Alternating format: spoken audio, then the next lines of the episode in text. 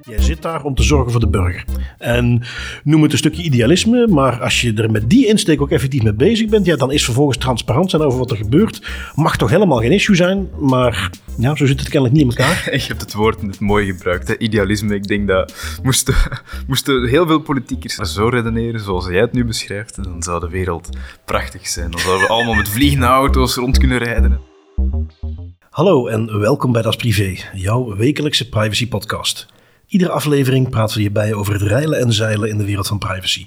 Digitale spionage, boetes, datalekken, nieuwe technologie, privacy tools, oftewel alles dat er in een week gebeurt in privacyland.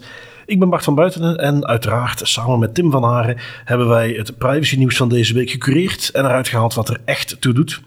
Hete temperaturen en verhitte privacy-discussies staan dan ook weer garant voor een goed gevuld programma deze week. We zetten een India's surveillance mecca in de spotlights. Een eh, stad die gezien wordt als een total surveillance city.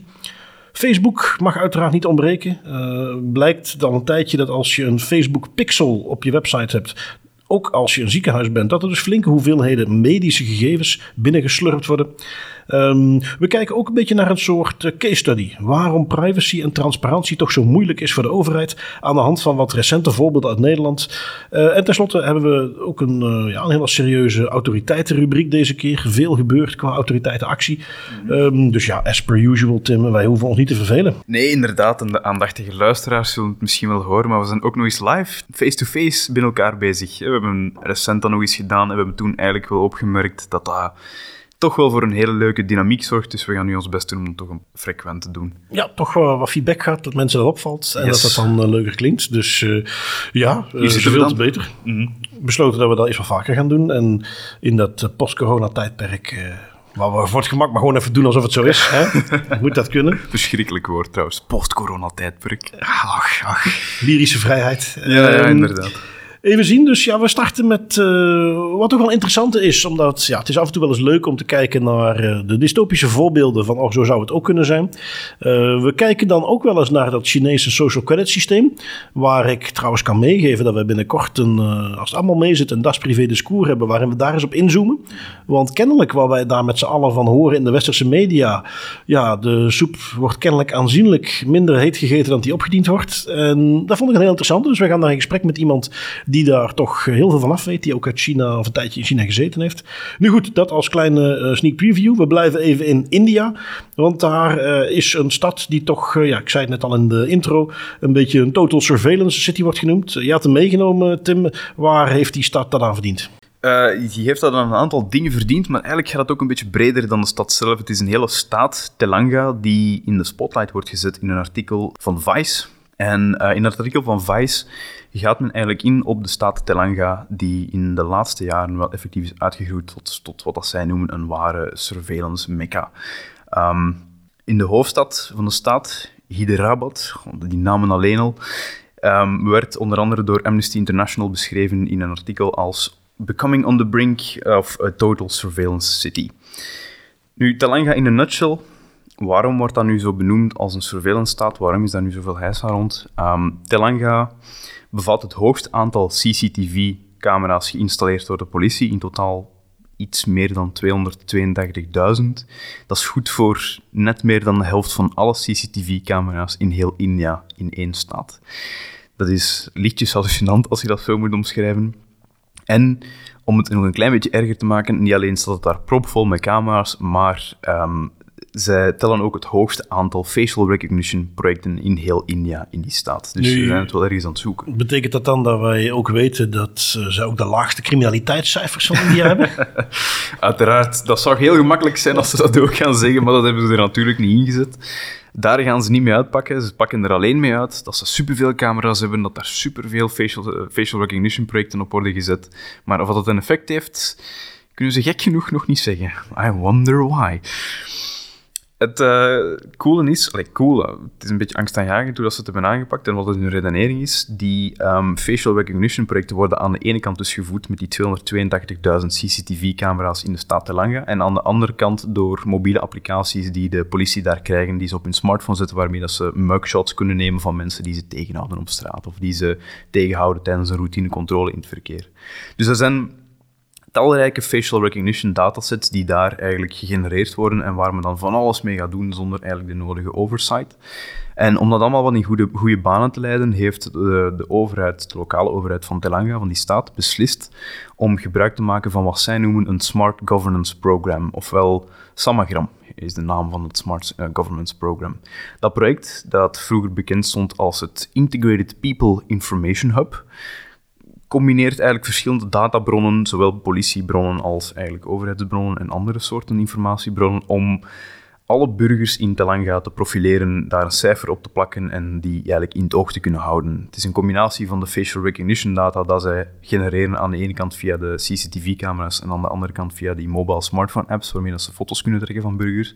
En verder politiebestanden, uh, telefoon, water en elektriciteitsaansluitingen, uh, belastingsbetalingen, rijbewijzen, paspoorten, kiezerspassen, elektronische facturen en uh, uiteraard, want zonder dat is het natuurlijk geen feest. Terrorist records. Uiteraard. Uiteraard. Dat moet natuurlijk passeren, want anders dan is het te privacy-invasief en dan mag het niet meer. Als je het terroristwoordje ertussen zet, dan kan het allemaal wel. Nu, waarom zeg ik dat dit een beetje gek is, wat dat hun redenering is? Wat gek het is, het is een beetje angstaanjagend vooral wat dat hun redenering is. Zij zeggen wel, die, die, dat Samagram-systeem en de gezichtsherkenningstechnologie die daarachter zit, dat heeft eigenlijk maar één doel, zoveel mogelijk afschrikken. Dat moet gewoon in de burgers een gevoel injagen van, wij worden altijd bekeken en als we iets fout doen, dan wordt er effectief informatie over verzameld en komt de politie het meteen te weten. Dus het is, het is precies wat uh, onderzoekers altijd zeggen, het effect wat surveillance op de bevolking kan hebben, wat je nou eigenlijk nu net niet wilt, dat chilling effect, het feit dat mensen zich continu bekeken voelen en zich dus niet meer vrij voelen om zich te gedragen zoals ze eigenlijk willen. Dat geeft hier men eigenlijk aan, dat is precies waar we naar op zoek waren. Ja, ja, precies. Eigenlijk, dit is gewoon de, de verpersoonlijking van de chilling effect. Dit is effectief gewoon een staat die daarnaar heeft gekeken en heeft gedacht van, ha, dat kan wel eens interessant zijn, dus we gaan dat gewoon toepassen. En als je nu denkt van, goh, is dat niet gewoon omdat wij daar op een bepaalde manier naar kijken? Um, de toenmalige commissaris van de staat Telanga, en, het hoofd van de politie daar, van de lokale politie, heeft dat effectief woord voor woord zo gezegd. Um, in een tweet die vertaald is van de lokale taal naar het Engels. En die kan ik quoten als volgt. Um, in six months, the command and control building will be ready. If you got out for work, by the time you are back, 50 cameras can spot you. Every inch of the state will be under police radar. If a crime happens anywhere, there will be information immediately. Dat zegt genoeg, hè? Ja, ja en daar staat dan, uh, als we het even proberen te, laat, ja, te beschrijven voor onze luisteraars, een fotootje bij van die command center. Ja. En dan zie je één iemand met voor zich, nou ja, alsof het de, de beste eh, producer, muziekproducer ter wereld is. een soort draaitafel met een paar honderd knoppen. En dan daarvoor weer het, vier gigantische schermen, met ieder scherm ingedeeld in misschien een stuk of vijftig mini-schermpjes, ja. waar dan camerabeelden op te zien zijn. Um, Waarbij ik dan heel benieuwd ben, want ik heb niks gehoord van patroonherkenning of iets dergelijks. Dus die ene persoon die we nu zien, die op een schermpje zit te kijken naar uh, vier van die grote schermen met dan daar ieder 50 beelden op. Dus voor het gemak laten we te zeggen, 200 live CCTV-beelden. Mm -hmm. Ik ben benieuwd wat hij daar precies mee kan. Want ja, dat is wel leuk dat je dan zit te kijken, maar hoe detecteer je daarmee vervolgens crime? Het feit dat er ergens die crime is vastgelegd, ja, daar voorkomt die crime natuurlijk niet. En... Nee, nee, precies. Nee, en dat is exact wat dat mij hier zo fascineert in de manier hoe dat die staat te lang dat heeft aangepakt, is...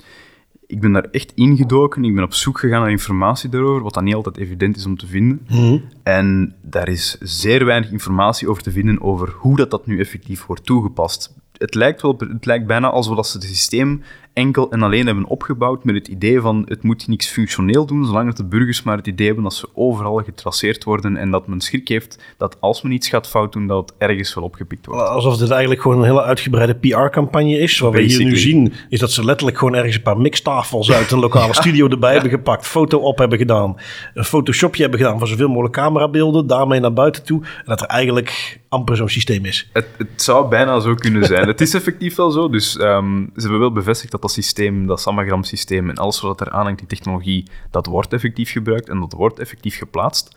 Maar waarom, hoe, dat is net een van de pijnpunten die het artikel in Vice ook aanhaalt, is er is helemaal geen oversight en er is helemaal geen duidelijke doelbinding, er is helemaal geen uh, duidelijke missie waarom, dat is, waarom die technologie gebruikt wordt. Er is, by the way, ook nog altijd in India volgens dat artikel geen wetgeving die bepaalt wat je wel en niet mag kan doen met facial recognition technologie. Dus de lokale politiedepartementen die doen eigenlijk maar wat op en die spenderen heel veel budget, maar dat wordt niet geleid, of dat is niet binnen een bepaalde baan dat dat moet blijven. Dus men doet eigenlijk maar een klein beetje op in de hoop dat het dan de mensen afschrikt. Dat is wat het gevoel dat ik hier krijg. Ja, en de klassieker, de effectiviteit meten, dat is iets dat doen we, ja, wie weet dat we dat ooit nog eens gaan doen, maar eerst willen we gewoon dat geld aan zo'n facial recognition systeem doen. Ja.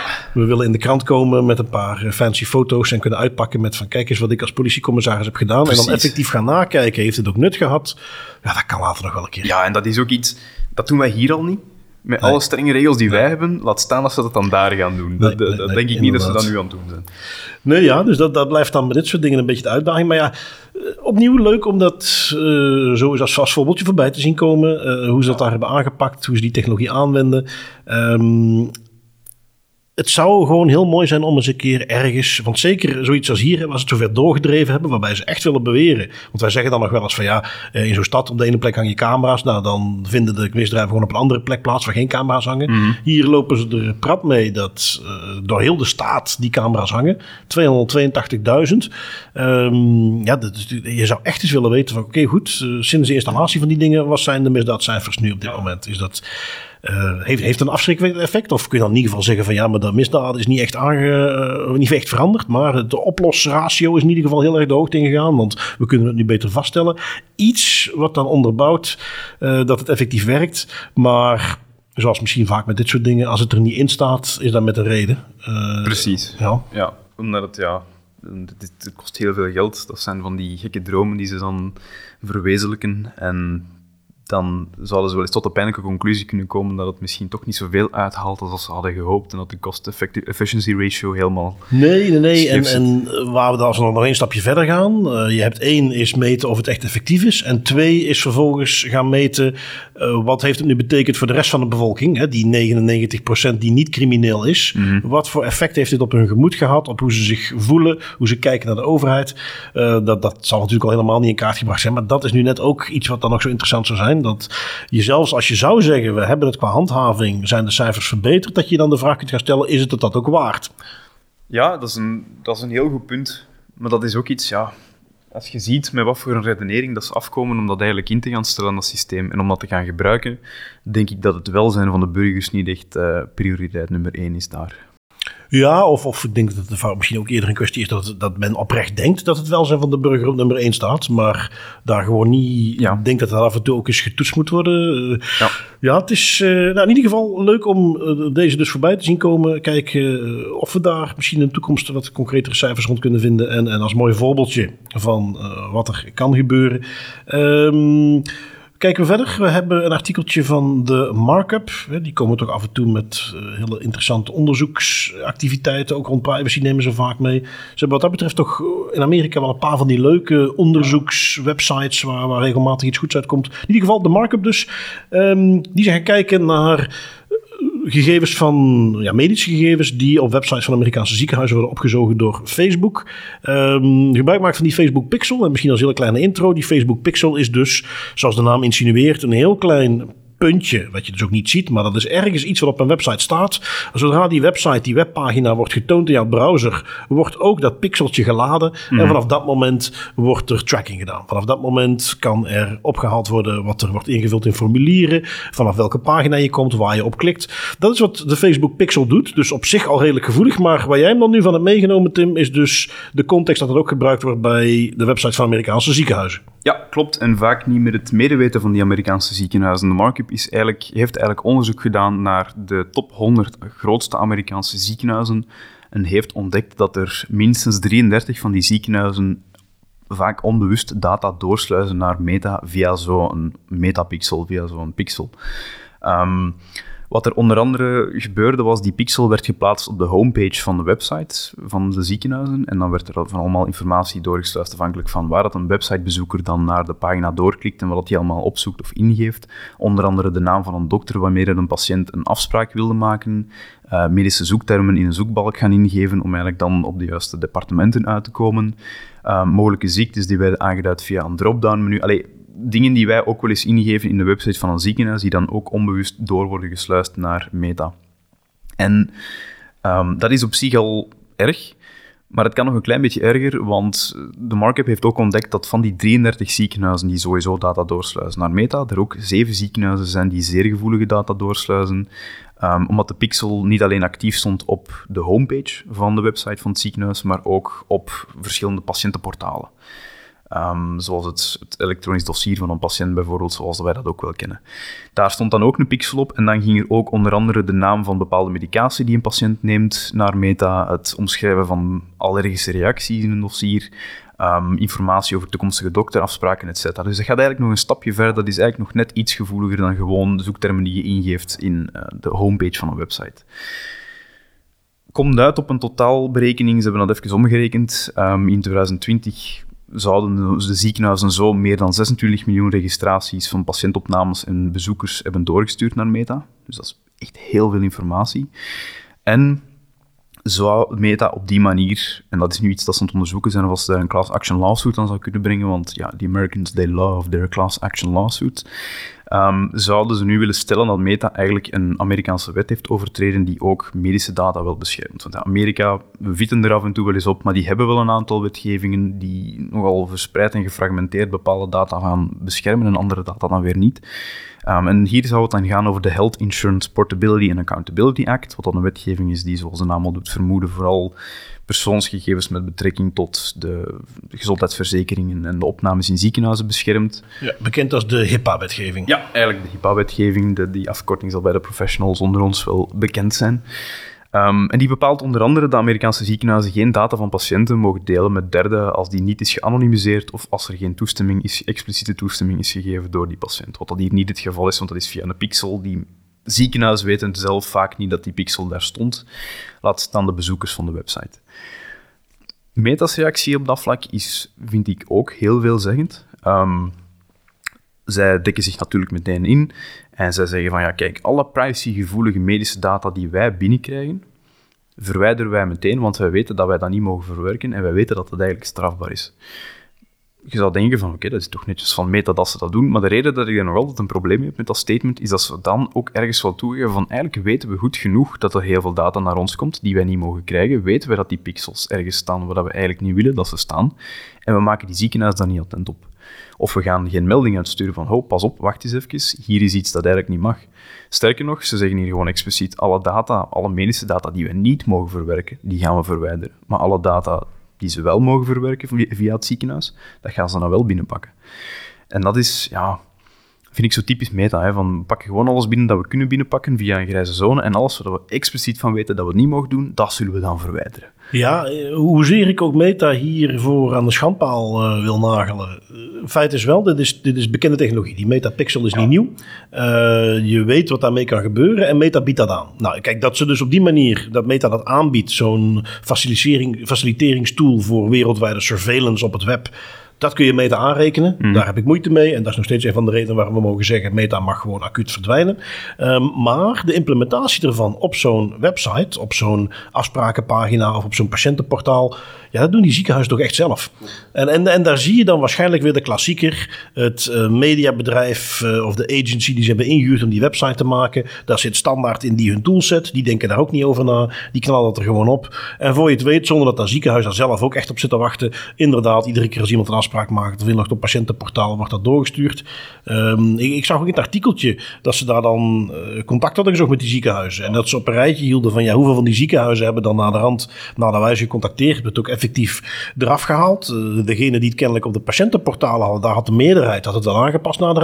Degene die het op een soort afsprakenpagina hadden, daar had er maar eentje het vervolgens ook echt aangepast. Dus daar interesseerde het ze verder ook niet zoveel. Maar daar zie je weer, goed, het is in Amerika, geen GDPR, daar is de awareness nog wat lager. Maar daar zie je maar weer dat dat daar niet per se met kwade wil is, maar doordat uh, de ad agencies niet nadenken en er gewoon standaard een toolset in zetten waar die pixel in zit, die ziekenhuizen daar waarschijnlijk zich gewoon niet van bewust zijn en er ook niet naar kijken. En vervolgens Meta zegt van hé, hey, wij hebben daar niks mee te maken, wij krijgen gewoon die gegevens binnen, wij hebben dat ding daar niet neergezet. Dan heb je het cirkeltje rond van mensen die er niet naar kijken, die het eigenlijk niet interesseert, maar waarbij dan vervolgens de gegevens van al die mensen is wel degene, dat, dat is het slachtoffer. Ja, precies. Dat is, uh, dat is eigenlijk iets heel mooi samengevat nog. Wat wat dat eigenlijk ook de problematiek daarbij is. Het is zeker niet alleen meta-bashing dat we hier willen doen, want het gaat veel verder. Het zijn de ziekenhuizen die er verantwoordelijk voor zijn, zoals je ook al zei. Maar opnieuw, ehm, ik vind wel als Meta op een bepaald moment ziet dat ze heel veel medische data binnenkrijgen via bepaalde websites van ziekenhuizen Mhm. en dat ze die verwijderen, dat ze ergens wel... Je zou eigenlijk wel mogen verwachten van Meta dat ze dan op zijn minst die websites even pingen van hey jongens, kijk Ja, eens wat ja, wij ja. allemaal binnenkrijgen. Dat kan toch niet de bedoeling zijn? ja, en dan zit je met de bottom line. Dat is dan, dan, je kunt je dat gesprek ook al voorstellen. Hoe iemand daarbij meet. Dat op een gegeven moment constateert. Misschien een developer die die analyses doet. En die zegt van god, zou iets aan moeten doen. En dan komt dat bij zijn baas terecht. En die baas zegt van ja, eh, John, je weet toch als ik dit naar boven wil brengen. Dan moet ik een business case mee kunnen geven. Hoeveel geld gaan wij hiermee verdienen als we deze functie doorvoeren? Ja, eh, niks. Maar dat is gewoon, ja, dat is toch gewoon ethisch. Dat is juist. Ja, Oké, John, laat maar. Next. Gaat niet door. Eh, want dat, is geen, dat verhoogt de groei niet. Dat verhoogt geen extra revenue. Ja. Dus daar wordt niks mee gedaan. En dat is iets wat uit al die zaken die we nu bij, bij Meta Facebook voorbij hebben zien komen de laatste jaren. De rode draad, hè, als het niet de groei stimuleert of de revenue stimuleert, dan is het niet belangrijk. Dus waar ze af en toe mee uit kunnen pakken is als ze initiatief hebben waar die twee dingen toevallig mooi samenkomen. Privacy en hun eh, groei stimuleren of de revenue omhoog storten. Maar is dat niet zo, dan heb je daar waarschijnlijk intern ook geen kans. Want gegarandeerd dat intern binnen dat bedrijf er echt wel mensen zijn die dit weten, die het al eens aangekaart hebben. Ja. Dat moet hè. Dat kan bijna niet anders, want het is, ze zeggen het zelf, ze hebben daar heel snel op gereageerd van dit is iets dat wij sowieso meteen verwijderen. Dus ze zijn er zich echt wel goed van bewust dat ze Ja. die data binnenkrijgen langs allemaal kanalen. Ze doen er alleen niks aan. Nee. Nu goed, eh we zeggen altijd Facebook aan de Facebook. Eh, of Meta aan de Meta. Dat klinkt net zo goed. Ehm, even zien, wat hebben we nu? Eh, ik heb er nog eentje meegenomen, wat dichter bij huis. Eh, ik vond hem gewoon grappig. Ehm, ik zag op LinkedIn een kleine fitty ontstaan. Eh, ik eh, zag een, een postje van, ik ben de naam kwijt, de CEO van It's Me. Een, eh, een dame die een, ja, gewoon een, een, leuk postje deed over het succes van It's Me. Waar dan vervolgens Frank Robben onder ging posten. Iets wat gepikeerd over het feit dat het te duur is voor overheden die het willen gebruiken. Dat It's Me eigenlijk geen performant systeem is. En met eigenlijk een klein beetje een impliciet dreigement van kijk, jullie kunnen dit nu aanpakken. Dan kunnen we dit als goede vrienden samen verder ontwikkelen. Als dat niet gebeurt, ja, dan gaan we als overheid gewoon een alternatief maken. En dan Ja. ja, gaan we jullie er eigenlijk gewoon uitspelen. Dat, dat, dat proefde ik daar heel sterk. Ehm, nou goed, dat, dat werd wel opgepikt. Eh, dat begon eerst als een comment van Frank Robben. Die heeft het dan daarna zelf ook nog eens gepost. Ehm, ja goed, we hebben Frank Robben hier al eens vaker voorbij zien komen. Iemand die eh, op zich eh, vooruit wilt. die naar privacy toe, naar gegevensbescherming toe... altijd, voor zover ik dat ook kan vaststellen... het beste met eh, de mensen voor heeft, met hun gegevens. Maar die wat dat betreft ook niet al te veel geduld heeft... als er andere mensen het niet doen op de manier dat hij vindt dat het zou moeten. En dat lijkt hier dus te gebeuren. Eh, ook een artikeltje op Compu- Computable eh, dan van Luc Blijaard... die daar een column aan wijde, die er ook nog eens op inging. En waarbij we dus ook weten, want dat is een, een relatief nieuwe toepassing... ik weet niet of je die voorbij hebt zien komen... maar op de Vlaamse websites eh, van Vlaanderen heb je nu eh My Burger profiel... Eh, waar je ook op in kunt loggen. Waar je dan eh, ja, heel veel dingen op dezelfde manier kunt zien als andere portalen. Waar je ook weer een totaal overzicht hebt. Maar dan vooral vanuit de Vlaamse administratie. Ik vond dat een, een, een mooi ding. Dat eh, heeft ook een, een prijs gewonnen geloof ik. Van Computable zelf. Eh, IT-project van het jaar of zo. Ehm, dus het is geen loos dreigement. Het is iets waar op zich de, de, de, de blokkendoos er klaar voor staat. Om dat ook effectief te gaan doen. En ja, ik vond het wel interessant om dat zo voorbij te zien komen. Ja, wat, wat kan ik daarvan zeggen? Frank Robben of Frank Robben. Dat is, ja, dat is, eh, die man heeft een heel uitgesproken visie en een heel uitgesproken mening. En ik vind, dat, ik vind het ergens stiekem wel altijd geweldig als hij dan de comments zet op LinkedIn. Want dat is niet zomaar een comment. Dat is een heel een boek dat hij ja. schrijft in de comments. En dat is altijd zeer mooi uitgelijnd met alle feiten mooi op een rijtje. Dus dat vind ik wel tof. En ik, eh, ik ben zelf ik, ben een fan van ItsMe. Ik vind dat het een, een applicatie is die heel veel mooie toepassingen heeft, waar we echt wel iets aan kunnen hebben.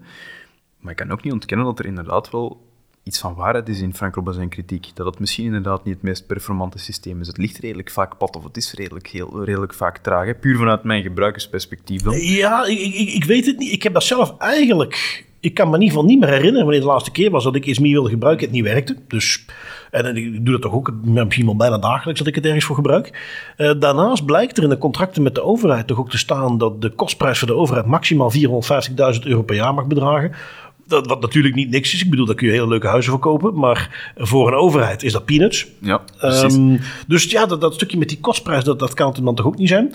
Um, maar goed, wie weet natuurlijk wat er achter de schermen speelt. Hè. Welke, het blijft een, een, een consortium van banken met een flinke overheidsparticipatie, wat dit heeft uitgerold. Uh, het kan natuurlijk ook gewoon het, het klassieke spelletje zijn van eventjes de pers opzoeken, even wat druk op de ketel zetten om misschien dat wij niet weten dat hier een belangrijk beslismoment is intern voor nieuwe features. ja. En dat ze dan eventjes hier op deze manier wat extra druk op zetten om toch zeker te weten dat die nieuwe features er wel doorheen komen. Je weet niet wat er speelt, maar ik vind het ook, wel, ook altijd wel leuk om te zien hoe dan uh, iemand in de positie van Frank Robben, uh, waar normaal gezien die mensen toch redelijk schuw zijn om uitlatingen te doen, uh, of toch zeker vrij stevige uitlatingen, ja. ja. daar trekt hij zich niks van aan. En nee. die zegt gewoon precies wat hij daar dan van denkt, knalt daar gewoon over op alle kanalen. En natuurlijk genoeg voer voor allerlei persberichtjes daar vervolgens over. Inderdaad, daar kunnen we wel eens stevig over Ik kan het zeker ook iedereen aanraden als je zegt van ik verveel mij op een zondagmiddag of zo. Ga gewoon naar Frank Robbins LinkedIn-profiel. Bekijk zijn laatste comments. Um, niet alleen is het razend interessant, maar de manier waarop hij ook communiceert is op licht gezegd soms verfrissend als je kijkt naar hoe de andere mensen in soortgelijke functies dat aanpakken. Hij wint er geen doekjes om en dat is eigenlijk wel leuk ergens. Ja, Even zien, wat hebben we nog meegenomen? Artikeltje van security.nl, uh, wat een beetje een insteek is om, om wat breder issues te gaan bespreken. Maar dat was een specifieke aanleiding, want de inlichtingendiensten in Nederland die uh, halen nog eens de pers. En uh, ja, die blijken, zoals ondertussen karakteristiek is, zou je bijna mogen zeggen, gegevens verzameld te hebben. En die hadden ze eigenlijk niet moeten hebben. Nee, inderdaad, die hadden ze niet moeten hebben. En die moeten ze nu ook verwijderen. Um, de IVD en de MIVD zoals de meeste luisteraars die de voorbije aflevering hebben geluisterd wel weten, die hebben bulkbevoegdheden. Dat wil eigenlijk simpelweg zeggen, zij mogen grote hoeveelheden data van Jan en allemaal binnenpakken, om dan achteraf een klein deeltje daarvan te gaan onderzoeken dat interessant is en dan bij te houden als het relevant is voor het onderzoek en de rest te verwijderen. Dus irrelevante gegevens die vaak gewoon bijvangst zijn van onschuldige burgers, die moeten zo snel mogelijk worden vernietigd. Dat staat ook in de wetgeving. Um, en ik denk zelfs dat de termijn er was uiterst binnen anderhalf jaar. En daar is het ergens fout gelopen. Um, de Commissie van Toezicht op de Inlichtingen en Veiligheidsdienst, of kortweg de CTI, IVD heeft na een klacht van burgerrechtenbeweging Bits of Freedom, ook wel een bekende gast hier in de podcast, beslist dat IVD en MIVD toch vijf bulkdatasets moeten gaan vernietigen. Nu, wat was er eigenlijk daar fout gelopen? De inlichtingdiensten deden er eigenlijk veel te lang over om te gaan bepalen of dat de data wel effectief interessant was. Want ze, ze pakken dat gewoon binnen en achteraf gaan ze dan bekijken of dat het nuttig is of dat het relevant is voor hun onderzoek. En los van het feit dat zij dus daar veel te traag op waren ingegaan, hadden ze ook die data verkeerd geclassificeerd. In de wet staat het zo dat er, ehm, als, je aan bulkdata gaat, als je die bulkdata gaat verzamelen, dan moet je die eigenlijk gaan beoordelen. En het stuk dat niet relevant is voor het onderzoek, dat moet je gaan verwijderen. Wat de IVD en de MIVD fout deden, is van het moment dat er iets interessant was in de hele bulk-dataset, werd de hele bulk-dataset gemarkeerd als interessant en, interessant en werd alle data bijgehouden. Ook de data van burgers die eigenlijk totaal niet relevant waren voor het onderzoek, werd ook dan gretig gedeeld met inlichtingdiensten van derde, partij, van derde landen. En ja, je ziet, hier waren wel een aantal dingen die eigenlijk niet volgens het boekje zijn verlopen. Interessant aan deze casus is dat de CTIV, CTIVD eigenlijk al in 2020 oordeelde dat dit niet mocht, dat ze dit niet zo lang mochten bijhouden en dat ze dit ook niet op die manier mochten klassificeren. Maar door een vreemde kronkel in de, de wetgeving konden zij enkel advies geven. Konden ze enkel zeggen van eigenlijk mag je dit niet doen, maar we kunnen u niet verplichten om het te gaan verwijderen.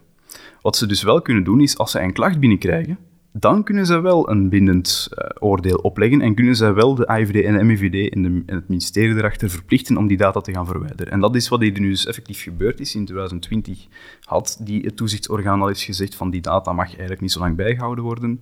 Bits of Freedom heeft daar vervolgens een klacht over ingediend en dan pas heeft men een bindend oordeel kunnen vellen daarover en moet die data nu effectief verwijderd worden.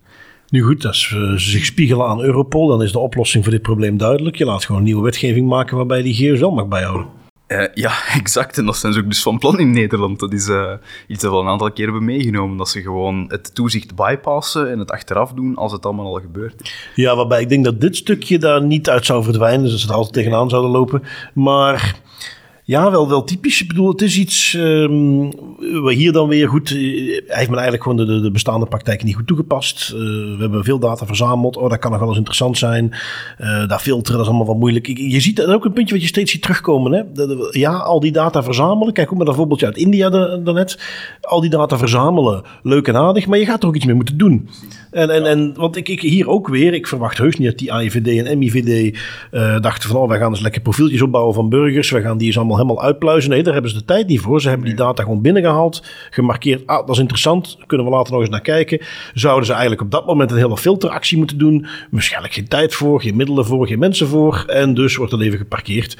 Um, waarbij het CTIVD uh, toch als toetsingsorgaan, ja goed, ongetwijfeld bij hun ook weer met de tijd en de middelen die ze hebben, uh, er toch iets mee gedaan heeft. Aan de andere kant, als je dan bekijkt, kennelijk is het dus al 2020 dat men dat detecteerde. Uh, we zijn nu 2022 en uiteindelijk hebben ze het nu met die uh, ik klacht van Bits of Freedom, hebben het voor elkaar gekregen om er iets uh, mee te doen. Dus ook niet het meest performante systeem om zoiets op te pakken. Nee, en dat is ook, dat, dat onderstreept nog maar eens het belang van burgerrechtenbewegingen en privacyactivisten die dan vervolgens een klacht neerleggen op zulke activiteiten. Want als die klacht er niet kwam, dan waren ze dus nog altijd die data aan het verwerken onterecht, onrechtmatig. Gewoon omdat het, het toezichtsorgaan dat eigenlijk een oordeel moet opleggen, geen bindend oordeel kan opleggen zonder klacht. Wat dat eigenlijk een beetje een vreemde kronkel is in de wetgeving, vind ik, dat, dat je een, een toezichtsorgaan hebt dat eigenlijk geen verplichtingen kan opleggen, tenzij dat er van buitenaf een klacht wordt gediend. Dat vind ik een beetje vreemd en, en contradictorisch, want dat, ja, dan zijn die heel erg afhankelijk van of dat iemand wel interessant, of dat iemand wel interesse genoeg heeft om daar een klacht over in te dienen. Ja, ja, want waarschijnlijk dat het zich niet leent voor de makkelijke 1 2'tjes. Van oké, we hebben dat nu binnen. Bits of Freedom, alsjeblieft. Hier is alle geclassificeerde informatie. Die maar een klacht in. Ja, dat gaat ook niet zomaar natuurlijk. Precies. Dus, dus, nee, ja. En dan is de vraag, is het een kronkel in de wet? Of is het iets wat daar zeer doelbewust zo in is gestoken natuurlijk? dat zou um, ook Nu, met dat we dit onderwerpje voorbij zijn gekomen... Um, het deed mij denken om eens even een korte introspectie te doen over wat we daar, want uh, Nederland is daar nu het goede voorbeeldje van, omdat daar uiteindelijk veel van dit soort dingen nog naar buiten komen. Omdat daar een heel aantal uh, media ook uh, achteraan zitten. Maar als we daar zo eens op een rijtje zetten waar we daar de laatste jaren voorbij hebben zien komen. Die inlichtingendiensten die te veel verzamelen. Die tools verzamelen om gebruiken om met OSINT alle extra gegevens te verzamelen. Die NCTV die dat soort bevoegdheden zichzelf toe-eigenen, maar dat wettelijk eigenlijk helemaal niet kan. Um, politiediensten die te veel gegevens verzamelen. Uh, bovenal, wat je dan ook steeds terug ziet komen, is dat er dan onderzoek naar wordt gedaan. Uh, iets wat we in Nederland toch veel couranter zien, die wet openbaarheid bestuur, het WOBBE. Waarbij al die verschillende uh, media dan van die onderzoekjes of die verzoekjes indienen die beantwoord moeten worden. Dat dat getraineerd wordt, dat dat veel te lang duurt voor ze de antwoord op krijgen. Um, is er toch wel iets wat je steeds terug ziet komen in al die zaken en dat is een gebrek aan transparantie. Dat is een gebrek aan nog niet eens het, het verkeerd doen, hè, dat die wetgeving te uitgebreid is. Wat ze daar fouten in maken. Maar het is gewoon die stap naar de rand om daar vervolgens transparant over te zijn. Ja. Het, het, voorbeeldje, hetgeen wat me er wat meer aan deed denken, om daar eens wat op in te zoomen, gewoon dat, dat, bredere concept, was ook een, eh, een interview wat ik voorbij zag komen met de vroegere gegevensbeschermings, um, of ja, moet ik zeggen, de, de functionaris gegevensbescherming, de DPO, bij de politie in Nederland. Die is met pensioen gegaan, die heeft vervolgens een interview gegeven. Um, die had het ook over de manier hoe men omging met die wet openbaarheid bestuur. die, die plicht dus in feite naar transparantie toe. Op, als burger kun je iets opvragen, je kunt uh, als partij kun je dingen opvragen en daar moet daar antwoord op gegeven worden. Dat is een, een bekend controlemechanisme wat op heel veel westerse democratieën is dat voorzien. Dat biedt een extra manier om toezicht te houden op de overheid. Uh, een, een, principe waar in de basis helemaal niks mis mee is. De overheid is er nu helemaal voor de burger. En daar moet uh, toezicht op zijn. Zo hou je een overheid een beetje in het gareel. En wat zie je keer op keer terugkomen is op het moment dat een overheid daarmee geconfronteerd wordt, dat ze het allemaal lastig vinden. Oh, daar heb je weer zo'n burger die informatie wilt. Um, die privacy officer, die dus met pensioen is, die daar zelf ook veel mee bezig was. Die was op een gegeven moment ook verantwoordelijk voor de juridische diensten die die WOP-verzoeken moesten beantwoorden. En die dan ook wat, wat anekdotes vertelt over hoe hij regelmatig in uh, meetings zat met andere entiteiten. Waar dan gezegd werd van ja, maar goed, dan doen we toch gewoon alsof we die documenten niet hebben. Opgelost. Um, of ah, weet je wat, we gaan het even achterhouden. Uh, zo is er in Nederland nu ook vanuit Rotterdam is er een, een, een zaak waarbij de burgemeester samen met de politie uh, bewust ervoor gezorgd heeft dat bepaalde documenten van de autoriteit persoonsgegevens niet vrijgegeven konden worden. Die hadden namelijk onderzoek gedaan naar de coronawagens die rondreden in Rotterdam. Tijdens coronatijden hebben ze dus camerawagens ingezet die toezicht hielden op de coronamaatregelen. De AP heeft dat onderzocht. Dat bleek helemaal niet uh, conform de wet te zijn. Die wilden daarover publiceren, vooral ook om andere gemeenten die soortgelijke ideeën hadden te kunnen waarschuwen. En dat is vervolgens tegengehouden door de burgemeester van Rotterdam en de politie, die kennelijk is er ergens een, een, bepaalde procedure dat de AP dat uh, niet zomaar mag publiceren. Ze kunnen daar iets, iets tegen doen. En dan moet de AP een veel langer traject in. Uh, zoiets was het. Ze konden in ieder geval dat dus tegenhouden. Hebben ze bewust gedaan om uh, dat er in 2022 verkiezingen zijn, gemeenteraadsverkiezingen. Ja. Dus het is onwelvallig als dat naar buiten zou komen. En, en, dus weer dat basisprincipe: je bent een overheid, je doet eens een keer iets verkeerd, er komen vragen over. En in plaats van daar dan transparant over te zijn ja, probeer het achter te houden. Probeer je te doen alsof je die documenten niet hebt. Um, misschien zelfs nog om het nog iets breder te trekken. We zien dat ook terugkomen als het gaat om datalekken. Uh, het feit dat je daar als verantwoordelijke een melding over moet doen. Wat mensen vaak niet willen. Uh, dat je daarover moet communiceren naar de betrokkenen. Wat men vaak niet wilt. Transparantie dat lijkt toch echt een heel moeilijk gegeven voor heel veel organisaties en entiteiten. Ja, ja. En, en ik heb er al heel vaak over nagedacht, want ik zeg dat ook altijd tegen mijn, tegen mijn klanten. Stel dat je een datalek hebt, of stel dat je iets fout doet, of stel dat er ergens iets gebeurt waardoor je in een slechte daglicht komt, kan je twee dingen doen. Ofwel kop in het zand en hopen dat het overwaait en hopen dat het niet te veel naar buiten komt en gewoon doen alsof het niet bestaat, het probleem. Of je bespreekt het probleem, je zet het even in de spotlight en vooral zet je in de spotlight wat ga je eraan doen om dat probleem aan te pakken. En daarmee genereer je in mijn ogen zoveel meer sympathie voor de mensen die dan ook mee betrokken zijn in, in het probleem. En dat is jammer om te zien dat er bij de overheid nog altijd op heel veel vlakken zo, ja, het idee heerst dat als er iets is dat verkeerd loopt, of dat niet juist loopt, of dan, waar men kritiek op krijgt, dat men dan niet als initiële knee-jerk reactie heeft van, oh, sorry, my bad, we zullen het vanaf nu anders doen, dit en dit gaan we anders aanpakken, en vanaf nu kan je dus er zeker van zijn dat we dat zo gaan aanpakken. Hier is een beetje transparante informatie daarover en de kous is af. In plaats daarvan blijft dat echt aanslepen en verliest de burger het stelselmatig het vertrouwen in bepaalde overheidsentiteiten. Het is vooral dat, hè, dat, dat, dat wanhopig proberen om dan die fouten ja. toe te moeten geven. Het is, om het uh, cru te zeggen, maar het is ergens ook een hele infantiele reactie. Hè? Ik ja. heb uh, ook twee uh, kleinere kinderen en als die dan iets fout, stouts gedaan hebben en je vraagt die van, hoe zit dat nu? Exact. Dan, nee, nee, nee, heb ik niet gedaan. En dan als je echt doorvraagt en je blijft een beetje doorduwen en je laat duidelijk merken, ja, maar ik heb het bewijs, de kruimeltjes liggen er nog naast, de chocoladevlekken zitten nog op je kin, dan geven ze dat schoorvoeten toe. Um, en dat, dat, is wat je hier ook een beetje ziet. Uh, totdat zo'n WOP-verzoek bij de hoogste rechter komt, die dan zegt van, hé hey, politie, jullie moeten dat nu echt wel gaan vrijgeven. Ja? Um, of uh, in een andere context, ook bij de Belastingdienst destijds, hè, die toeslagenaffaire wat daarmee gebeurd is. Ik ergens heb ik het gewoon moeite om te begrijpen waarom op het moment dat je daar zo, fout mee hebt gedaan, gedaan en je moet daar transparant over zijn. En, en ik bedoel, iedereen, niemand vindt het makkelijk om als hij iets fout heeft en erover te praten. Hè? Dat is één ding. Maar dit zijn organisaties, entiteiten. En niet zomaar entiteiten, maar dit zijn overheidsentiteiten. De overheid is er voor de burger. Als, als basisplicht heb jij gewoon zorgen voor je burger. Dat is kennelijk iets wat men in de politiek heel vaak vergeet. Maar mm. dat is waarom dat jij daar zit. Niet om te zorgen dat je zo lang mogelijk in dat stoeltje mag blijven zitten. Niet om te zorgen dat je zoveel mogelijk geld kunt verdienen met allerlei mandaten. Jij zit daar om te zorgen voor de burger. En noem het een stukje idealisme. Maar als je er met die insteek ook effectief mee bezig bent. Ja, dan is vervolgens transparant zijn over wat er gebeurt. Mag toch helemaal geen issue zijn. Maar ja, zo zit het kennelijk niet in elkaar. Je hebt het woord net mooi gebruikt, hè? idealisme. Ik denk dat moesten, moesten heel veel politiekers zo redeneren zoals jij het nu beschrijft, dan zou de wereld prachtig zijn. Dan zouden we allemaal met vliegende auto's rond kunnen rijden en dan zouden we geen energieproblemen hebben. Dan zou hongersnood de wereld uit zijn, alles zou prachtig zijn. Maar helaas is dat niet het geval en het is iets menselijks. Hè? Niet durven om je fouten toe te geven, je hebt het ook omschreven. Je kinderen, dat zit er ook gewoon in. En je moet dat er een stukje uithalen en corrigeren. Maar je moet altijd het vanuit een visie bekijken. Dat een fout maken is menselijk, een fout maken is normaal. Dat gaat soms gebeuren. Er is niemand in heel zijn leven die kan zeggen dat hij nog nooit een fout heeft begaan. Dat, dat is, geldt ook voor organisaties, dat geldt ook voor publieke instellingen, zeker voor publieke instellingen. Wat dan schrijnend is, is om te zien dat op een bepaald moment er stelselmatig wordt geweigerd om te leren uit een fout. Want dat is onvergeeflijk. Dat je de fout maakt, alle begrip voor, er zijn genoeg manieren om dat te mitigeren of om dat aan te pakken, dat, er, Mhm. dat het een positief verhaal wordt. Maar als je dan effectief ziet dat er de tendens wordt gecreëerd dat men gewoon zegt van, we weigeren om toe te geven dat die fout is gemaakt, en we weigeren, want ja, je moet het eerst toegeven, om er iets uit te leren, dan bega je een misstap bewust, in mijn ogen. Ja, ja maar dat, dat is het. Met het ene volgt op het andere. Als je er al niet transparant over bent, ja, dan dat is een recept om het dus de Ja. volgende keer ook weer verkeerd te gaan doen. Dus ja, ik, ik, kijk, je kunt daar heel lang over hebben. Eh, we gaan het waarschijnlijk nog wel eens eh, in andere artikeltjes en dingen die gebeuren voorbij zien eh, komen, dat dat een, een issue blijft. Maar ehm, ja, misschien dan gewoon een das privé, das beter voor alle luisteraars, voor privacy professionals. Dat transparantiebeginsel staat niet voor niks als een van de allereerste principes in de. GDPR Ja. over verwerking van persoonsgegevens.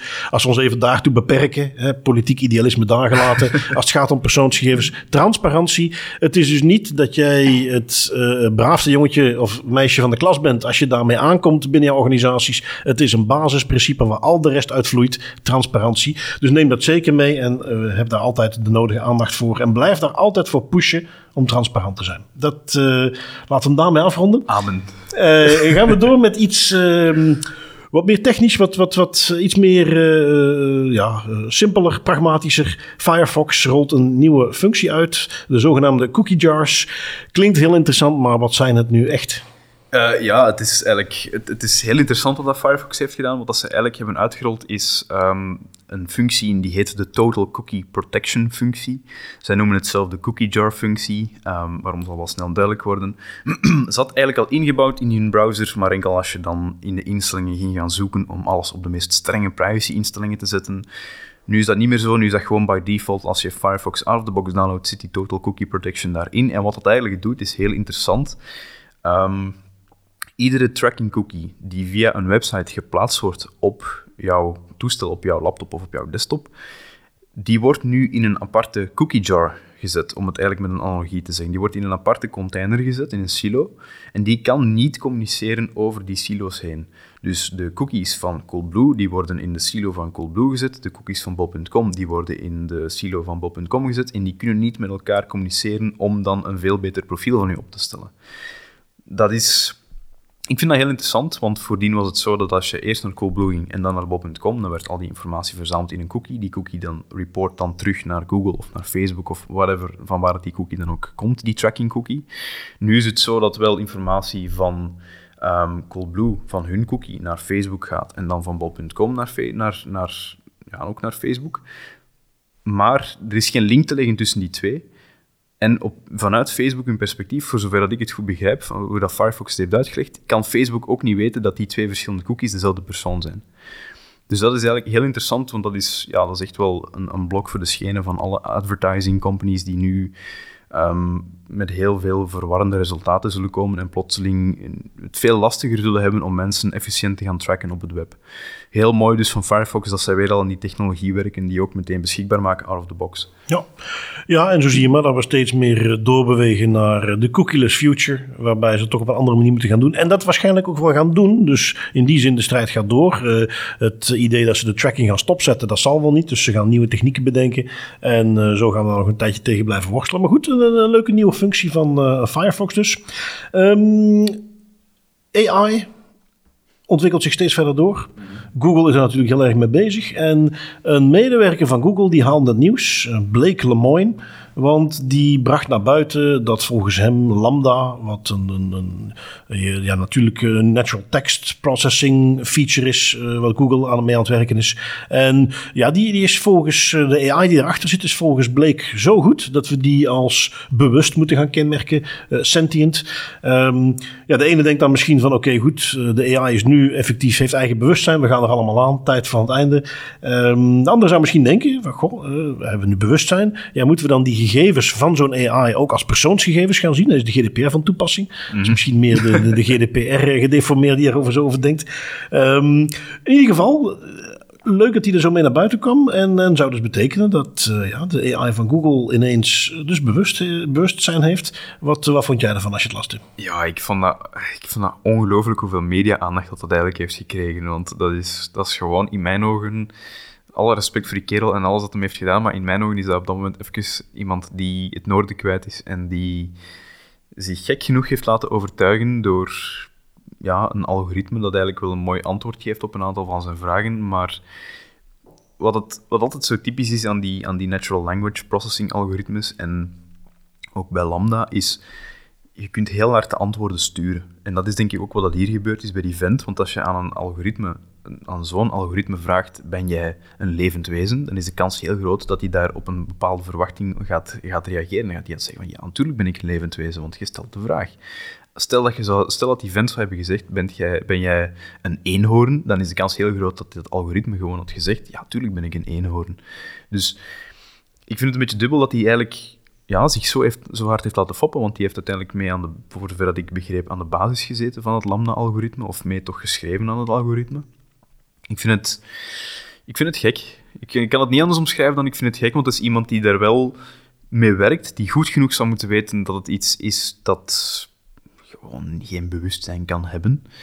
Toch niet nu. En ja, toch heeft hij zich laten vangen. Ik weet niet, ja, heeft hij zich laten vangen? Eh, Want dit is natuurlijk, ik bedoel, die heeft hiermee persaandacht gekregen die anders nooit had gehad. Hè? Dat is waar. Het ehm, doet me een beetje denken aan die vent, volgens mij heette die Wiley, die ook eh, een tijd geleden naar buiten kwam. Je, je hebt hem, je herinnert misschien ook best, die had roze, een roze kapsel. Eh, en dan ook zo'n Facebook klokkenluider achter type was het. Ja, ja, ja. Wat eigenlijk, Ja. aan de rand hoorde je dan, dat was eigenlijk maar een, een beetje een low-level eh, developer. Die was met niks bijzonders bezig, maar dan haalt hij wat sappige dingen eruit. Die lekt hij naar de pers. En ineens is het een heel bekend figuur. Ja, wie weet dat Blake Lemoyne dacht van, hé, daar, daar wil ik ook wel wat van. Ehm, Zou kunnen, maar ik ben er wel... Ik, ik sta er wat sceptisch tegenover, omdat... Ja, wat bereik je ermee met er naar buiten te komen dat je nu afgeschilderd wordt in de pers als, in de pers als een wakko die denkt dat een machine echt is en leeft? Ja, maar zo wordt hij niet afgeschilderd. Hè? Het hele idee van, kijk, Ja, wij, en als ik het een beetje las, de, de AI-experts, er was niemand die ook maar een seconde dacht van, oh, zou het echt eh, sentient zijn? Ja. Nee, daar was iedereen het over eens dat dat niet het geval was. Ehm, maar uit die persberichten bleek dat zo niet. De artikelen in de kranten ging men daar eens echt op in en publiceerde men die dingen. Zijn naam komt daar vaak in voor. Ja, en ook die, eh, die rosharige Is nu een of andere medewerker in een think tank, heeft zich daar een mooie positie mee verworven, heeft nog een tijdje in de spotlight gestaan, heeft een boek geschreven, dacht ik zelfs. Ik bedoel, je kunt daar... allemaal, eh, dan moeten, ja, ze ja, moeten allemaal een boek schrijven. Precies, precies. Maar dus ik wil maar zeggen, ehm, ergens zou het helemaal zo gek niet zijn als zo iemand op een gegeven moment denkt van, goh, als ik daar eens op deze manier... Die heeft misschien zelfs die gesprekken die gepubliceerd zijn, heeft hij van tevoren uit te schrijven en bedacht van, oké, ik dit dan vraag... Ja, Ja, ja, ja, ja. goed nagedacht, hoe moet ik het dan gaan doen? Dus, eh, dus nou, eh, voorlopig nog niet een eigen bewustzijn, AI van Google. En eh, wellicht gewoon iemand die eventjes de spotlight opzoekt. En dat gaat waarschijnlijk ook wel lukken. Eh, nu goed, innovatie blijft doorgaan. Wie weet wanneer dat een keer toch gaat gebeuren. Ehm, ook binnen ransomware groeperingen blijft men innoveren. Dat is een artikeltje waar jij hebt meegenomen. Ehm, ze zijn natuurlijk ransomware groepen op zich niet zo interessant. Maar deze doen toch weer net iets anders dan andere. Ja, en, deze kan ik, kon ik dan weer niet laten liggen vanuit ons privacyperspectief, omdat ze toch weer wat, wat vernuftiger aanpakken dan de andere groeperingen. Ehm ja, ransomware zijn continu op zoek naar nieuwe manieren om hun slachtoffers onder druk te zetten, om te betalen. Want ja, het is, het is het idee van we gaan al je data versleutelen en daarmee is de kous af, dat is al lang achterhaald. Er is niemand, geen enkele serieuze ransomware groepering dat dat nu nog doet. Nu is het, we gaan je data versleutelen en we gaan ze stelen, want als je niet betaalt, dan kunnen we ze alsnog gaan verkopen op de zwarte markt, of we publiceren het gewoon om je te shamen. En om je onder druk te zetten om effectief wel te betalen. En de laatste innovatie in die gedachtegang komt van de ransomware-bende Black Cat, want die hebben altijd zo'n grave namen. En Black Cat, ehm, ja, Black Cat stond er al onbekend dat zij in het verleden vooral de, de gestolen persoonsgegevens publiceerden op het dark web. Maar nu gaan ze nog een stapje verder. Wat ze nu eigenlijk gaan doen, is als zij ehm, binnendringen, infiltreren bij een slachtoffer en zij versleutelen de data en zij stelen de data, dan gaan zij die data op het clear web zetten, dus gewoon op het publiek toegankelijke internet, waar jij en ik gewoon via Google dingen kunnen gaan opzoeken, op een custom website met het logo van het slachtoffer en met een doorzoekbare database van alle gegevens die ze hebben verworven. Ehm, het praktisch voorbeeld dat in het artikel staat, was van een luxe resort, een spa, die ze hadden gehackt. En dan hadden ze binnen de 24 uur na de hack een website online gezet op het internet met het logo van die spa, waar zij ehm, aan de ene kant employee data doorzoekbaar maken in een database en aan de andere kant de, de databank van de gasten die ze ook hadden gepikt. En dat is ja, de zoveelste innovatie in het onder druk zetten van uw slachtoffers door een publiek beschikbare website beschikbaar te maken die het slachtoffers mogelijk maakt en de klanten van de slachtoffers mogelijk maakt om eens te gaan kijken of dat ze ertussen zitten of niet. Ja, dus gewoon uh, de volgende iteratie van de Have I Been Pwned website. Basically, maar dan door ransomware door ransomware. Ja, oké. Nu is het natuurlijk wachten op de eerste die uh, een uh, scraping tooltje maakt om die vervolgens leeg Oh, te ja. gaan trekken. Ja. waardoor het dus meteen al helemaal gelekt is. ja, oké. innovatie in de ransomware space, altijd leuk. Um, goed, dan is het altijd de hoop dat uh, autoriteiten daar vroeg of laat iets mee gaan doen. En mm -hmm. daar zijn we nu aanbeland, ons hoofdstukje autoriteiten. You will respect my authority. De eerste die ik heb meegenomen is er eentje uit Nederland. De RDW, dat is de Rijksdienst voor het Wegverkeer. Vergelijkbaar met de Belgische DIV. Die houden alle kentekengegevens bij. Um, kentekens in Nederland die zijn niet zoals in België persoonsgebonden. Je hebt een kenteken en die kun je van auto naar auto kun je die meenemen. In Nederland is dat per auto heb je een kenteken. En die kun je, je kunt dan nu, de, database met kentekens kun je sowieso altijd al opzoeken. Dan kun je zien wat voor auto is dat. Uh, eventueel is dat iets van de historiek. Um, maar als persoon, als jij op een gegeven moment, want als jij een auto koopt, je registreert die, ja, dan komt die natuurlijk op jouw naam te staan. Dus er is ook een historiek bij de RDW van gegevens van auto's die jij als persoon op je naam hebt gehad en, en de historiek die daarbij hoort. Met andere woorden, de RDW heeft dus een set aan persoonsgegevens. Zo'n nummerplaat is in die context in Nederland misschien wat minder snel dan in België, maar toch ook gewoon een persoonsgegeven. En vroeger, als je bij de RDW inzage wilde uitoefenen om te weten, ja, ik wil graag een overzicht van alle gegevens die jullie van me hebben, met dus die historiek van auto's ook, ja, dan moest je daarvoor betalen. Um, nou goed, we weten dat dat in de context van de GDPR eigenlijk helemaal niet mag. En dat is iets waar de autoriteit persoonsgegevens dus ook een, um, een klacht rond heeft gekregen en die hebben ze behandeld. De RDW moet dat voortaan wel gaan doen, dus die mag uh, dat niet meer daar geld voor vragen. Je kunt nu via, ja, zie je het als de Nederlandse uh, iets eenvoudigere, simpelere variant, die met minder features van It's Me, uh, DigiD, kun je dan inloggen en dan kun je dat opvragen. Je moest vroeger ook een kopie entiteitsbewijs opsturen, dat hoeft ook niet meer. En dat is dus nu kosteloos, moeten ze die historiek meegeven. Dus ja, daar heeft de AP weer iets afgedwongen bij de RDW. Um, misschien voor als iemand zich eens een keer verveelt bij de DIV zo'nzelfde verzoekje indienen. Kijken wat daaruit komt. Kan um, wel even duren. Kan even duren natuurlijk, ja. Um, even zien, dan de ICO, de Britse autoriteit, die, uh, die moeten volgens mij wel blij zijn. Want daar is iets veranderd voor. Die hebben vorige week een feestje gehad, dat kan ik u nu wel al zeggen. Uh, want die hebben 7,5 miljoen pond per jaar extra budget gekregen. En hoe hebben ze dat gekregen? Ze hebben dat gekregen omdat zij het Spaanse licht hebben gezien. Zij zijn in de voetsporen van de IPD getreden en ze hebben eindelijk de bevoegdheid gekregen om een deel van elke boete die zij, die zij uitzenden te innen als een onderdeel van hun budget. Dus dat is, uh, ja, die gaan er heel blij mee zijn. Er staat wel een cap op, daarmee dat ik het ook zei, 7,5 ja, miljoen pond per jaar. Okay. Dus dat is echt wel de maximum. Maar als je ziet, ICO geeft af en toe eens een serieus zware boete uit. Ik denk dat die die cap wel redelijk snel gaan bereiken. Ja, ja, ja inderdaad. Dat is ook een incentive. 7,5 miljoen, dat is een heel leuk gebouwtje. Dat, dat zijn goed gouden kraan, is misschien de vraag. Maar ja. je kunt dat toch best uh, aardig mee Baby steps, baby steps. Ja, Eerst marmeren zuilen en dan een gouden kraan en een gouden deur. Ja, inderdaad. Ja, kijk, uh, waarschijnlijk ook bij hun zal het weer uitgepakt worden als van waar Brexit allemaal niet goed voor is. Ja, ook al is... heeft er niks mee te maken. Nee, en, en dat zullen we nog wel zien of een Brexit er goed voor is. Want we hebben het, we hebben het eigenlijk niet meegenomen, maar er is recent een... Um, een publicatie geweest van de Britse overheid over de nieuwe datawetgeving die eraan komt. En daar zijn een aantal wijzigingen die ze voorstellen om de UK GDPR om te vormen in een meer praktische wetgeving.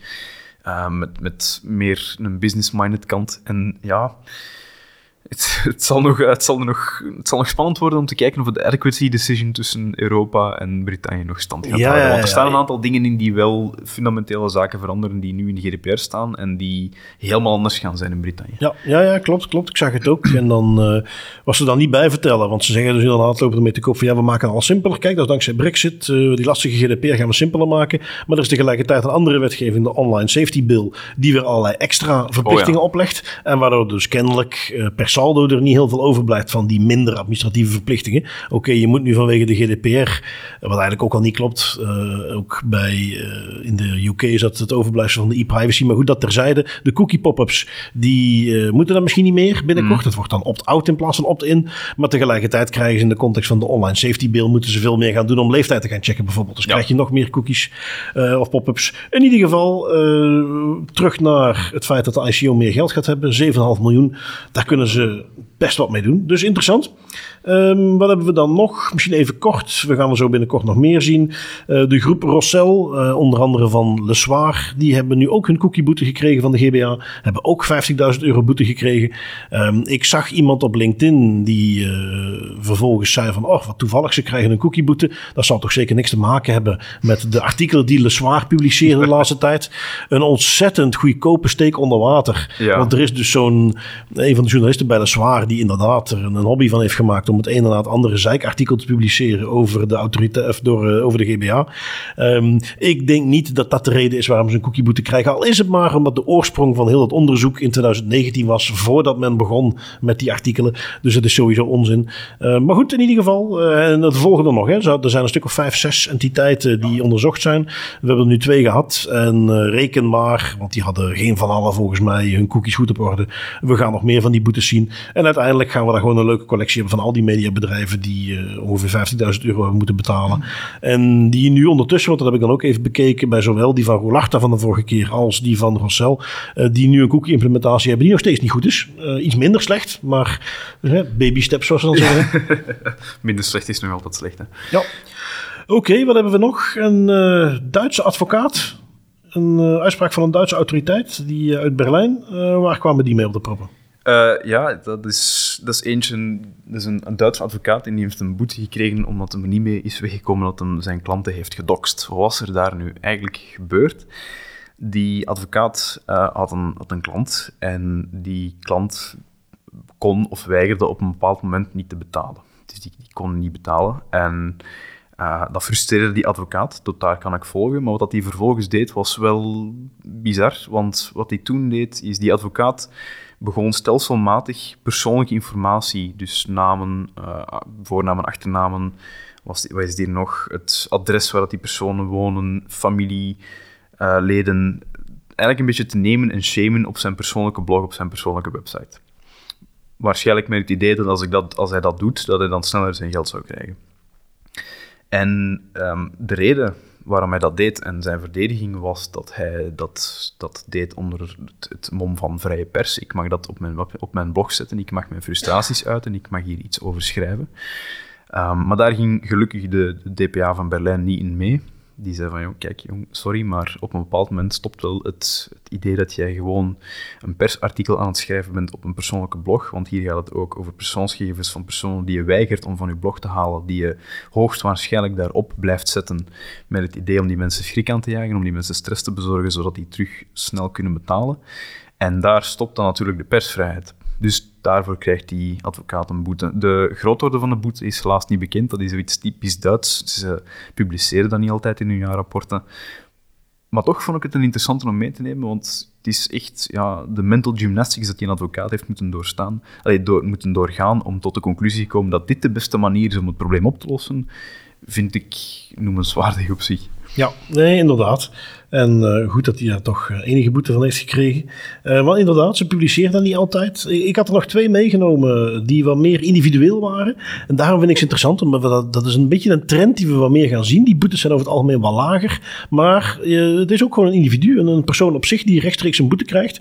En ja, dan kan bijvoorbeeld, bijvoorbeeld wat ik hier heb, AIPD heeft een boete van 10.000 euro aan een vrouw opgelegd. Ehm, die er kennelijk niks beters op had om haar frustratie te uiten dan eh, filmpjes te nemen op een school waar ook de kinderen zaten. Eh daar waren dan kennelijk eh, in specifiek geval hier drie zwarte kinderen die in die film, filmpjes te zien waren, waar ze commentaar op gaf, waar ze muziek onder had gezet, via WhatsApp rondstuurde. Ja, wat dus overduidelijk een verwerking van persoonsgegevens was, even los van de rotheid die in Ja. de andere aspecten van die filmpjes zitten. Maar goed, ook naar persoonsgegevens toe, dus onjuiste verwerking. En die heeft er dus een boete van 10.000 euro voor gekregen. Nou, voor een individu, dat kan best aardig tellen. Een beetje vergelijkbaar, maar weliswaar een bedrijf, maar een eenmansbedrijfje, vastgoedmakelaar. Eh, een beetje een klassieker. Die contacteerde iemand van, oh, ik eh, heb gehoord dat eh, jij je huis wilt verkopen. Ik heb daar wel interesse in, waarom doe je dat niet via mij? Reactie die hij terugkreeg was van, eh, hoe weet je dat? Van wie heb je dat? Ik heb jou dat nooit verteld. Eh, kreeg van die vastgoedmakelaar terug van... oh, oké, ja, sorry, ik heb je gegevens verwijderd. Uh, ging niet in op het verzoek tot inzage natuurlijk... en de andere informatie, dat al niet klopte. En een half jaar later contacteerde die, die persoon gewoon weer... die vastgoedmakelaar en zei van... goh, ik heb gehoord dat je juist wil verkopen. um, dus toen heeft hij een klacht ingediend... Oh, want die gegevens waren dus natuurlijk niet verwijderd. Um, uh, die ook hier, de boete is niet bekend. Het was een uh, bedrag met vier getallen. Dus ja, goed waarschijnlijk ook wel ergens tussen de 5 à 10.000 euro voor dit soort uh, overtreding. Um, en een interessante trend uh, die we in België, helemaal in het begin hebben we een burgemeester gezien die rechtstreeks een boete kreeg, maar daarna is dat niet meer zo voorgevallen, als ik het me goed herinner. Maar wat we toch vaker zien, individuen die ook zelf rechtstreeks een boete krijgen. Ja, en ik vind het ook niet slecht, want um, zeker in het geval van die vrouw die dan filmpjes maakt van die zwarte kinderen op een school, sorry, maar inderdaad, dat is iets, dat mag wel eens hard afgestraft worden los van het privacy-idee vind ik het super, gewoon enorm terecht dat hij een boete heeft gekregen van 10.000 euro. Verschoot er wel een klein beetje van, moet ik toegeven. 10.000 euro voor, een, voor één persoon, dat is een zware boete. Tot als ik dan natuurlijk bekeek wie dat die boete gaf, de IPD. En then it all made sense. Want die zijn, wel, die zijn wel de laatste jaren zwaar van geworden van af en toe een persoonlijke boete uitgeven. Vaak voor camera's die verkeerd gericht zijn of zo, maar deze keer dus ook voor iets serieuzer. Ja. Nu goed, dat waren de interessante zaken van de autoriteiten deze week. Um, dan hebben we nog onze privacy pointers. Wat heb jij meegenomen, Tim? Uh, ik heb eigenlijk, um, nu gaan we misschien een beetje tegen onze eigen winkel inschieten, maar we hebben, ik heb een, een podcast meegenomen. De GDPR Hub Newsletter podcast van Rie Alexandra Walle.